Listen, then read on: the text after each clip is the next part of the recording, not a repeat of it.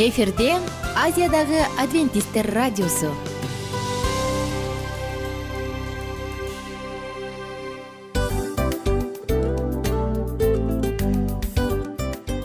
Достор салют. Баардык сүйүктүү угармандарыбызга салам айтабыз. Кутман күнүңүздөр менен. Ден соолук өмүрдүн булагы демекчи саламат саамы программасында баарыңыздарды көргөнүбүзгө абдан кубанычтабыз. Анда алгач амандашып өтөлү арбаңыздар деп. Ден соолугуңуздар кандай элибизде көбүнчө ден соолук кандай дегенде эле жакшы деп жооп беребиз э? ооруп турсак дагы жакшы дейбиз. Анан мен муну айтып ойлойт элем бул абдан сонун сөз депчи анткени бул жакшы деген үмүт да ооба. баары жакшы болот. Баары сонун. Деп үмүттөнүп атып эле өзүбүздү өзүбүз дарылап коебуз. Анысы кандай? Сиздин дагы ден соолугуңуз жакшы беш деген үмүттөбүз чындыгында ден соолук бул өмүрдүн булагы деп бекеринен айтылган эмес деп ойлойм. Кыргыз элинде анткени эгерде ден соолук жок болсо анда адамдын жашоосунда калган баардык керектүү маңыздуу нерселер өзүнүн баалуулугун жоготуп коет. Ошондуктан ден соолук бул эң керектүү нерсе. Ооба туура айтасың кесиптешим. Чынында ден соолугуң жок бир эки үч күн ооруп калсаң эле э кандай болуп калат? Жашоодо көз каранды болуп каласың көп нерсеге жетишпей каласың көп нерсени кыла албай каласың жада калса эшикке дүкөнгө да чыга албай каласың. Туптуура анан ден соолук болсо демек биз биздин бактыбыз тоодой деп койсок болот. Анда достор саламат саамы рубрикабызды баштайлы. Алдыда өзүңүзгө керектүү болгон сонун кеңештерди уга аласыздар. Мына ошондуктан биз менен бирге болуңуздар. Ал эми биз болсо милан жана айнура. Кеттик алга. Алга саламат саама ден соолуктун жарчысы. Саламат саама ден соолуктун ачкычы. Күн сайын сиз үчүн мыкты кеңештер сонун жаңылыктар кызыктуу фактылар биздин рубрикада.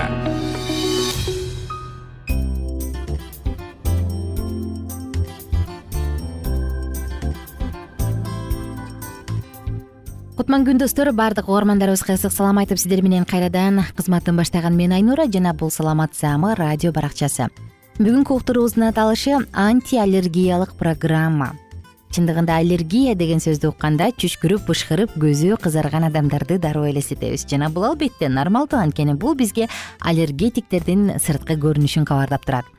Достор бүгүнкү антиаллергиялык программа баардык аллергиянын түрүнө э, таасир берет. Бул э, тамак сиңирүү жаатында респиратордук астма деп коебуз э жана теринин аллергиясына жардам берет бул программа аллергиянын симптомдорун дароо эле басып салбайт. Тескерисинче аны огоо бетер күчөтүп аллергиянын приступун огоо бетер көбөйтөт. Анткени мындай учурда бул иммундук системанын кайсы бир өзгөчө реакцияларын дал ушул ыкма менен токтотот. Жана ошондой эле аллергиясы бар адамдар сөзсүз түрдө азык түлүктөрүнөн баардык аллергияны чакыруучу азык түлүктөрдү токтоткону жакшы анткени баарыбызга маалым болгондой кайсы бир азык түлүктөр ушул аллергияны укмуш күчөтөт эмеспи эми антиаллергиялык программа кимдерге сунушталат? Э, тамак сиңирүү жаатында респиратордук жана терисинде аллергиясы барларга сунушталат. Биз сиздерге бир күнгө ылайыкташылган антиаллергиялык программаны сунуштайбыз. Эгер мүмкүнчүлүгүңүз болсо жазып алыңыз же жаздырып алыңыз айтор эстеп калганга аракет кылыңыз. Баштадык анда антиаллергиялык программа бир күнгө ылайыкташылган меню таңкы тамак сулуу сүтү. Бизге керектүү ингредиенттерден болгону гана сулуу сүтү мунун курамында жүз тогуз калорий бар эки жүз элүү миллилитрде. Азыктандырат тынчтандырат жана аллергияны чакырбайт. Экинчи экинчи таңкы тамак антиаллергиялык сок. Бизге керектүү ингредиенттер мандарин ананас жана алма кызык мандарин ананас цитрустар э? Жүз элүү миллилитрдин курамында жүз элүү жети калорий бар. Булардын баардыгы иммундук системди тынчтандырат жана аллергияны алдын алат. Түшкү тамакта антиастматикалык смузи керектүү ингредиенттер банан киви жана алма ширеси. Жүз кырк калорий бар эки жүз элүү миллилитр ширеде түштөн кийинки тамак полдник деп коет эмеспизби? Киноанын сүтү бизге керектүү ингредиенттер болгону гана киноа. Эки жүз элүү миллилитрде жүз калорий бар. Азыктандырат жеңил сиңимдүү жана аллергияны чакырбайт. Кечки тамакта болсо кара карагаттан чай. Бизге болгону гана кара карагаттын жалбырактары керек.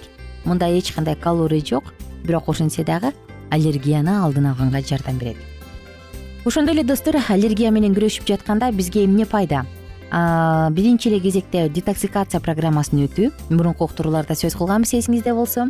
Кийинки кезекте ушундай бир потенциалдык аллергендик продуктыларды таптакыр рациондон алып салуу. Бул сүт жумуртка арахис майы соя грек жаңгагы жана чаңдар. Ошондой эле көп цитрус өсүмдүктөрүн алма кивилерди колдонуу жакшы. Булардын баардыгы иммундук системаны бекемдейт мындай кылуу менен достор сиздер. Өзүңүздөрдүн гана ден соолугуңуздарга кам көрүп ден соолугуңузга витаминге байытпастан антиаллергиялык программаны дагы мыкты деңгээлде аткара аласыз. Дагы киресек достор аллергия жөнүндө бир аз сөз кылсак бул оору экени баарыбызга белгилүү э? Ар бир адамга өзүнүн симптомдору мүнөздүү. Кимдир бирөө шишийт кайсы бирлери кычышат ачышат денеде кызыл тактар пайда болот мурундан суу агат түшкүрөт бронхоспазм жана башкалар пайда болушу мүмкүн мына аллергия деген суроо сөз дал ушул. Симптомдорун айтсак иммундук системанын өзү өтө сезимталдуулугу бул чыныгы аллергия жана организмдин туура эмес реакциясы бул жалган аллергия. Аллергиянын мындай симптомдору ар кандай заттарга болушу мүмкүн э? Мисалы гүл чаңы жаныбарлардын жүүнү азык түлүк дары дармек күнүмдүк тиричилик толтура каражаттары бар. Нормада булар жөнөкөй адамдарга негизи коркунуч жаратпайт бирок аллергетиктер үчүн коркунуч жаратат бүгүнкү күндө аллергия абдан кеңири таралган оорулардын катарына кирет. Аллергиянын маанилүүлүүсүн жана коркунучтуусуна көңүл бурбоо туура эмес андан көрө профилактика иштерин жүргүзүү эффективдүү. Аллергиянын симптомдору дээрлик билинбей өтүшү мүмкүн. Ошондой эле коркунучтуусу дагы бар. Бул кекиртек бронхалардын шишиши дем алуунун оорлошу же он он беш мүнөт ичинде пайда болуучу анафилактикалык шок деп коет. Бул нерсенин баардыгы бизге албетте коркунуч жаратат аллергиянын пайда болушуна негизи иммундук система жооп берет. Дал ушул организмдин табигый коргоочусу бузулуп калат дагы жөнөкөй жана кадимки заттар иммундук система аркылуу душман болуп саналып иммунитетке чукул реакциялар жүрүп бойгоно баштайт. Коргонуу функциясы организмдин ткандарын бузуп өлтүрүп аша чаап коргонот десек дагы туура. Дал ушул иммундук системанын агрессивдүү коргонуучусу аллергия деп аталат. Мына ушундай достор. Көбүнчө териде кызамык көздүн жашылдануусу мурундун бүтүшү көп кезигүүчү аймактык аллергия. Аллергиясы бар адамдарда мурд агат көзү кызарат шишийт э бул нерсени көп көрөбүз. Ошондой эле жалпы температуранын жогорулашы бүт денеге кызамыктардын чыгышы бүт дененин кычышышы квинге шишиги квинке деп коебуз. Артериалдык кан басымдын төмөндөшү анафилактикалык шок дагы башка органдарга өтүп кеткен жалпы симптомдор көп учурда аллергия аллергендин кирип кеткен жеринен пайда болот. Мисалы баягы мурун ооз бронха өпкөгө кирип кеткенде адам чүчкүрөт тамагы кырылдайт мурдунан суу агат ышкырып дем алуу дем алуунун оорлошу.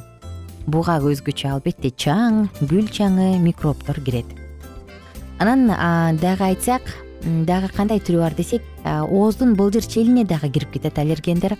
Тамак сиңирүү системасына жаныбарлардын эпидермиси грибоктун спораларынан кирип кеткенде дагы тери кызарат ачышат кычышат эриндер тил ооз көңдөйүнүн былжыр чели көбөйт адам кусуп ичи өтүп ичи ооруга чейин барат.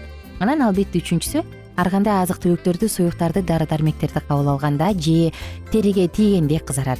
Ачышат кычышат тери шишийт тери туурулуп түшөт ар кандай кызмактар чыгат оорутат анан косметикалык каражаттарга барып вакцина же дары дармектер сайганда дагы анафилактикалык шокко чейин алып баруучу курч аллергиялык реакция жүрүшү мүмкүн. Буларды билип алганыбыз жакшы жана сактанганга дагы жардам берет. Достор уктуруубуздун соңку мүнөттөрүндөбүз баарыңыздарга көңүлдүү күн каалайбыз. Сиз ден соолугуңуздун сакчысысыз ошондуктан өзүңүзгө өзүңүз сергек болуңуз. Оорубаңыздар жана эч качан жакыныңыздын ооруганына күбө болбоңуз. Бар болуңуздар достор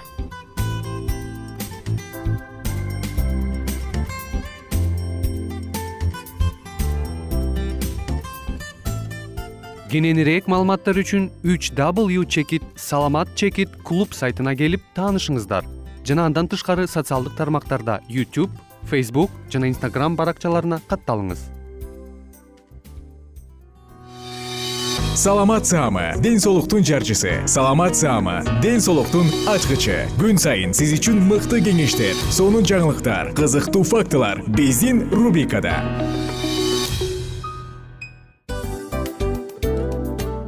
салам достор. Кайрадан биздин сүйүктүү рубрикабызга кош келиңиздер деп айтмакчыбыз. Баардык замандаштарыбызга арбаңыздар деп саламыбызды айтабыз. Улуу ушундай бир урматтаган учурашуу менен анан дил маек радио баракчабызга чакырабыз. Негизи дил маек биздин рубрикабызда эмне жөнүндө кеп кылабыз бул дил маектин мааниси эмнеде рубрикабыз менен кичине тааныштырып кетсеңиз. Сөзсүз түрдө тааныштыра кетейин кесиптешим суранычы боюнча бул учурда бул радио баракчада биз ар тарап кесип ээлеринен сонун кеңештерди алабыз сүйлөшөбүз сырдашабыз. Аталарыбыздын эжелерибиздин апаларыбыздын кеңештерин угабыз айтор. Жан дүйнөгө адамдын э, сапатына адамдын деги эле адам болуп жашашына керектүү баардык кеңештер алдыда.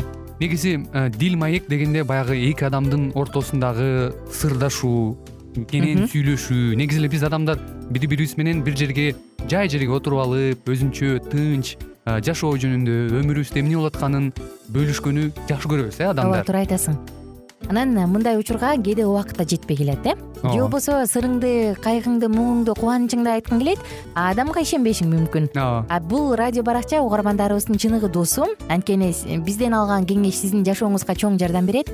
Ал эми сиздин бизге айта турган сөзүңүз ортодо гана сыр бойдон калат. Ошондуктан биздин дил маек рубрикабызга дагы бир жолу кош келиңиздер. Жана биз даярдаган маалыматтарга даяр болуңуздар.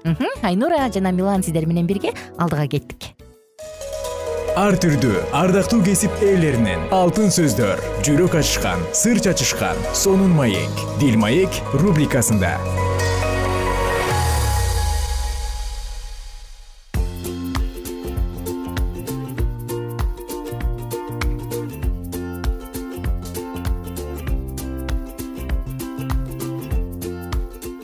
салам достор. Сүйүктүү угармандарыбыздын баардыгында дил маек радио баракчабыздын башталышында старт алган мүнөттөрүндө салам айтабыз. Жана сиздер менен бирге бүгүн дагы руханий мурас жашыя деп аталган китепти улантабыз.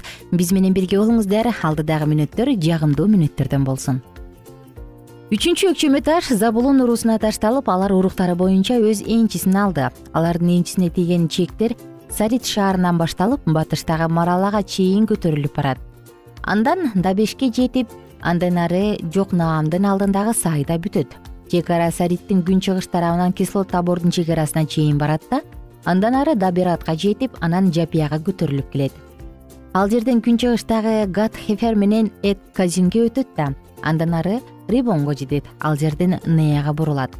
Анан чек ара түндүктөгү ханатонго бурулуп иптах эл капчыгайына барып такалат. Катат налат шымрон идала жана бейтлехем баардыгы улуп айылдары менен он эки шаар ушул шаарлар менен айылдардын арасындагы кыштактар забулун уруусунун бүт уруктарынын энчисине тийди.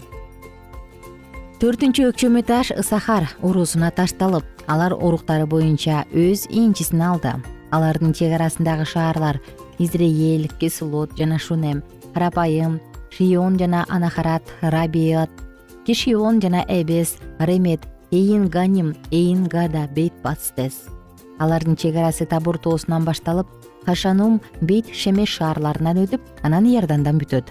Баардыгы кошулуп айылдары менен он алты шаар ушул шаарлар менен алардын айланасындагы айылдар ысахар уруусуна уруктары боюнча бөлүнүп берилди.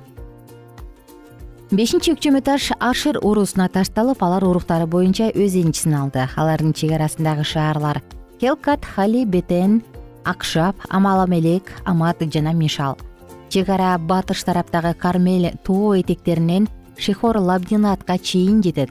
Ал жерден чек ара күн чыгышты карай бурулуп бейт дагонго жана забулунга жетет да андан түндүк жактагы иптах эл капчыгайына барат. Андан ары бейт эймек жана нээлге чейин созулуп түндүктөгү кабылга жетет. Андан ары бейт эймек жана нээлге чейин созулуп түндүктөгү кабылга жетет. Андан ары эпрон рехоб хамон жана канага өтүп улуу сидонго чейин жетет ал жерден чек ара түштүккө бурулуп рама шаарына барат да анан чептүү тир шаарына келет. Андан ары чек ара хоса шаары тарапка бурулуп жер ортолук деңизден бүтөт. Ошол жерде махалап жана рехоб шаарлары айылдары менен баардыгы болуп жыйырма эки шаар кирди. Ушул шаар кыштактар ашер уруусуна уруктары боюнча энчиге берилди алтынчы өкчөмө таш напталы уруусунан түшүп алар уруктары боюнча өз энчисин алды. Напталы уруусунун түндүк чек арасы хейлеп шаарынан башталып саананимдеги эмен дарагына чейин барат. Ал жерден адамын некеп жапныел жана лакум шаарларына чейин уланып иордан дарыясынан бүтөт. Анан чек ара батышка азнот таборго бурулат да андан ары хукокко бет алат. Ошентип напталы жери түштүктөн забулун батыштан ашыр уруулары чыгыштан иордан дарыясы менен чектешет. Напталынын жериндеги чептүү шаарлар. Сидим зер хамат ракат жана кинерет адама рама жана хатсур кедеш эдрей жана эйин хатсур иран мигдалель хорем бейт анат жана бейт шемеш. Баардыгы болуп айылдары менен он тогуз шаар. Ушул шаарлар менен айылдар напталы уруусуна уруктары боюнча бөлүнүп берилди. Жетинчи өкчөмө таш дан уруусуна түшүп алар уруктары боюнча өз энчисин алышты. Алардын энчи жериндеги шаарлар булар. Сора эштаул жана иршемеш шаалабин яалон жана итла эйлон тимна жана экрон элтекей гиптон жана баалат джеют бенейберак жана гат римон мей жаркон ракон жана жапанын алдындагы жерлер мына ушул шаарлар менен кыштактар дан уруусунун энчисине тийди. Бирок дан уруусу менен өзүнө тийген энчисине ээ боло албай калды. Ошондо алар түндүк тарапка барышты. Лаиш шаарына чабуул коюп элин кылыч мизине алып кырып салышты. Дан уруусу шаарды ээлеп өздөрү жашап калышты. Алар лаиш шаарын түпкү атасынын урматына дан деп шаар деп атап калышты. Ушул шаарлар менен ысрайылдар дан уруусуна уруктары боюнча энчиге берилди баардык жерлер бөлүнүп чек аралар такталып бүткөндөн кийин ысрайыл эли нундун уулу жашияга да өз жеринен энчи бөлүп берди. Жараткан эгенин буйругу боюнча алар ага өзү сураган эпрайым тоосундагы тимнат серах шаарын беришти. Жашия ал шаарды кайра куруп ошол жерде жашап калды. Мына ушул жерлердин баарын дин кызматчы элязар нундун уулу жашия жана уруу башчылары шыла шаарындагы жыйын чатырынын кире беришинде. Жараткан эгенин алдында өкчөмө таш таштап ысрайыл уулдарына энчилерге бөлүштүрүп беришти. Ошентип жерлерди бөлүштүрүү дагы аягына чыкты. Ошол күндөрү жараткан эге жашияга мындай деп айтты. Мен силерге муса аркылуу айткандай башпаана шаарларды тандагыла деп ысрайыл элине айткын. Эгерде кимдир бирөө оюнда жамандыгы жок кокустан киши өлтүрүп алса кун куугандан качып барып ошол шаарга баш калкалай тургандай болсун ал адам ошол шаарлардын бирине качып барып шаардын дарбазасынын алдына келип эмне кылганын шаар аксакалдарына угуза айтып берсин. Ошондо аксакалдар аны шаарга алып кирип жашай турган жай берсин. Анын артынан кун куугандар келишсе аксакалдар ал адамды кун куугандардын колуна салып беришпесин. Себеби ал тиги кишини атайлап өлтүргөн эмес аны менен кысташкан да эмес. Бирөөнү кокустан өлтүрүп алган киши жамааттын алдында иши сотто каралганга чейин ошол кездеги башкы дин кызматчынын көзүнө өткөнгө шаарда калышы керек. Ошондон кийин гана ал адам качып чыккан өз шаарындагы үйүнө кайтып келсе болот. Ошентип алар иордандын батыш тарабындагы напталы уруусуна караштуу тоолуу галилеядагы кидешти эпрайым тоолорундагы шекем шаарын жөө тоолорундагы кирият арбаны башкача айтканда хебронду тандашты. Аларга кошуп эрихондун маңдайындагы иордандын чыгыш тарабында рубейн уруусуна тийиштүү чөлдөгү бетсер шаарын гат уруусуна караштуу гелаттагы рамот шаарын манаш уруусуна караштуу башан аймагындагы голан шаарын баш баана шаарлар кылып тандашты.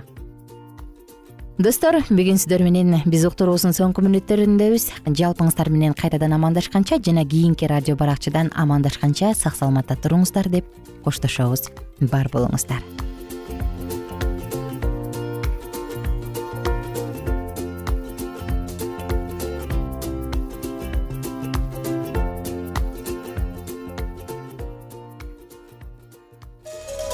ар түрдүү ардактуу кесип ээлеринен. Алтын сөздөр жүрөк ачышкан сыр чачышкан сонун маек. Дил маек рубрикасында.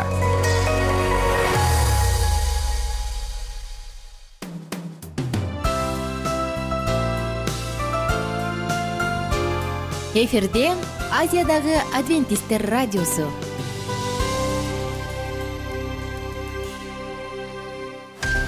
жан дүйнөңдү байыткан жүрөгүңдү азыктанткан жашооңо маңыз тартуулаган жан азык рубрикасы.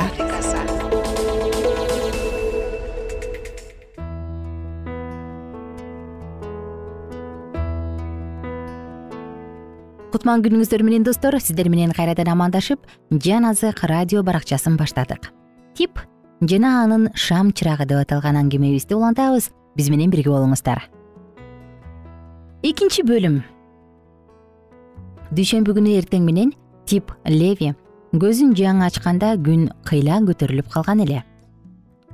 Баарынан тажадым деди ал чойрулуп керилип жатып. Эртең менен туруш керек болгон соң кечинде төшөккө жатып эмне дейм да?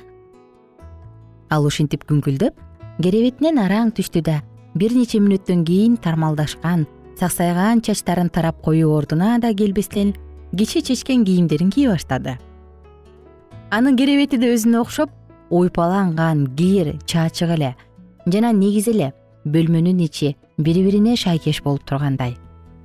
Сапырылган чаң шалаакылык жана жакырлык бул туракка толук бийлик жүргүзүп алган көрүнөт. Тип ар кайсы жери сынган тик тепкич менен ашканага түштү. Бул бөлмөнүн абалы аябай начар эле. Бурчта дубалга такай коюлган үстөлдүн үч буту мына мына санасынайын деп араң эле турат. Анын үстүнө салынган дасторкон качандыр бир кезде аппак болсо керек. Эми анын өңүн ажыратып болбойт. Ушул үстөлдүн үстүндө тип менен анын эжесинин эртең мененки тамагы турат. Столдун үстүнө чымындар үймөлөктөшүп алган. Күндүн жана күйүп жаткан мештин ысыгынан улам бөлмөнүн ичи адам чыдап тура алгыс ысык мештин үстүнө бир нерсе бышырып жаткан апасы аны. Турдуңбу деги? Түшкө чейин уктай турган болдуң го чоңойгонуңа карабай кечке уктайсың. Кантип уялбайсың билбейм. Мен биякта сенин курсагыңды ойлоп отун жарып суу ташып жатам деп тосуп алды. Сен жалгыз мен үчүн эле тамак бышырып жаткан жоксуң да туурабы деди тип жылмаңдап. Атам кайда? Сен жаңы эле келген чакта мен ушундай жашоодон силердин баарыңардан аябай тажап бүттүм анан ал ысык мештен окчун боло ала жапкычы менен желпинип калды.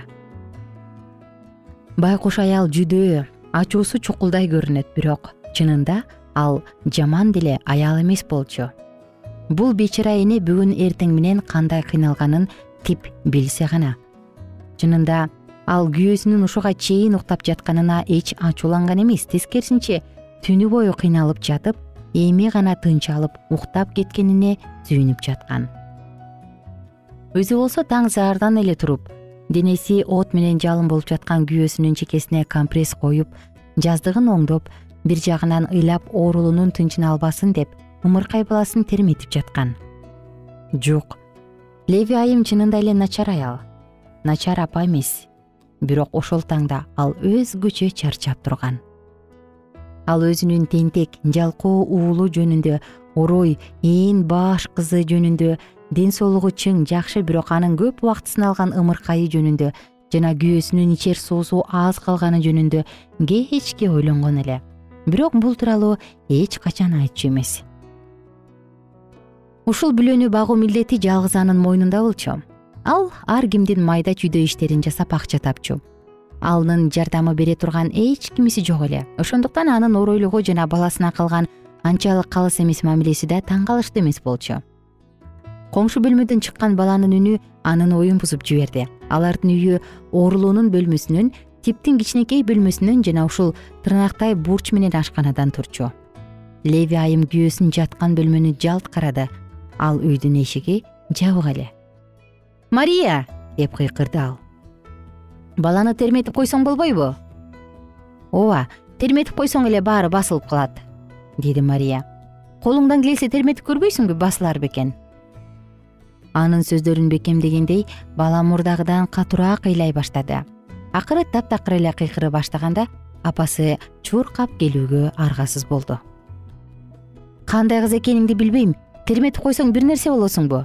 Атаң түнү менен кыйналып жатып жаңы эле көзү илинди сага болсо баары бир терметип эле жатам деди мария ачуулана бирок мунун басылар түрү жок. Ошол учурда ашкана тараптан бир нерсе кулап түшкөндөй болду. Леви айым баласын бооруна кыскан бойдон чуркап жөнөдү. Тип апасынын жоктугунан пайдаланып нандан чоң кесип алып май сүкөйүн деп колун сунуп баратып кокустан чыккан менен кофейникти түртүп алып кофейник жерге түшүп күрөң көлчүктүн үстүндө калкыган майда сыныктарга айланып бычыранып жатып калган эле. Байкуш эне чыдамы түгөнүп типке кыйкырды мектебиңе жөнө кайда жүрсөң жөн жүрбөйсүң кечке чейин көзүмө көрүнбөй жогол тип нанына май сүкөп алганга үлгүрүп шапкесин алды да ашканадан зуу койду. Сабак башталганга чейин бир саат бар эле. Негизи ал керээли кечке өз каалаганын кылса болмок. Анткени ал мектепке баргысы келген күнү гана барчу тип чоң терең бөлмөнүн жээгиндеги өзүнүн жакшы көргөн жерине бет алды. Ал бул жерге отуруп алып кыялданганды ойногонду жакшы көрчү. Ал жыгылган бактын үстүнө жаңы эле отурайын деп келе жатканда жол менен келе жаткан бирөөнүн добушун угуп калды. Ким болду экен? деп кызыга кылчая карап сүйүнгөнүнөн кыйкырып жиберип ордунан тура калды. Пери эже сиз бул жакка кайдан келип калдыңыз мен да сага так эле ушул суроону берейин деп жаткам деп жылмайды перри. Мен мектепке бара жаткам бирок азыр эрте мен шаардын четинде жашаган бир оорулуунун акыбалын сурап келгени баратам. Ошол жактан келе жатам. Күлмөнүн жээги соонун салкындай экен. Сен жакшы жер таап алыпсың тип. Мен сенин жаныңа бир аз отуруп эс алып алайынчы. Э макулбу тип кубанганынан кызарып кетип бир аз ары жылды элестетсең перри кийимдери жыртык кир типтин жанына отургандан уялбайт экен. Анан калса алар жолдун четинде отуруп алышкан. Экөөнү элдин баары көрүшү мүмкүн эле да. Тип тапшырмаларыңдын баарын аткардың беле? Сен чачыңды бүгүн тараган эмес окшойсуң э? Тип уяла манжаларын кармалап калды. Ал эч нерсе дей албай калды мындай нерсе андан анда чанда чанда эле болчу. Акыры ал шаша буша пери мен сизден бир нерсе сурайын дедим эле деди. Сура сурай кой. Дал ушул жерден уктуруубузду токтотобуз жана кийинки уктурууда андан ары улантабыз бар болуңуздар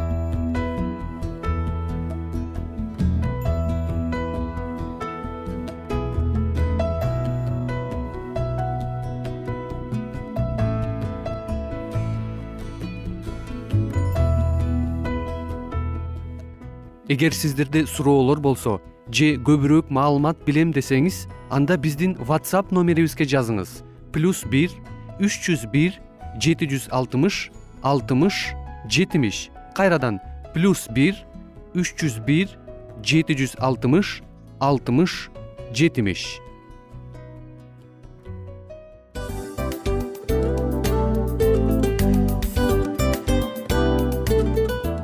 достор биздин радио баракчаларыбыз соңуна келди. Демек бул программабызды дагы жыйынтыктачу учур келдик.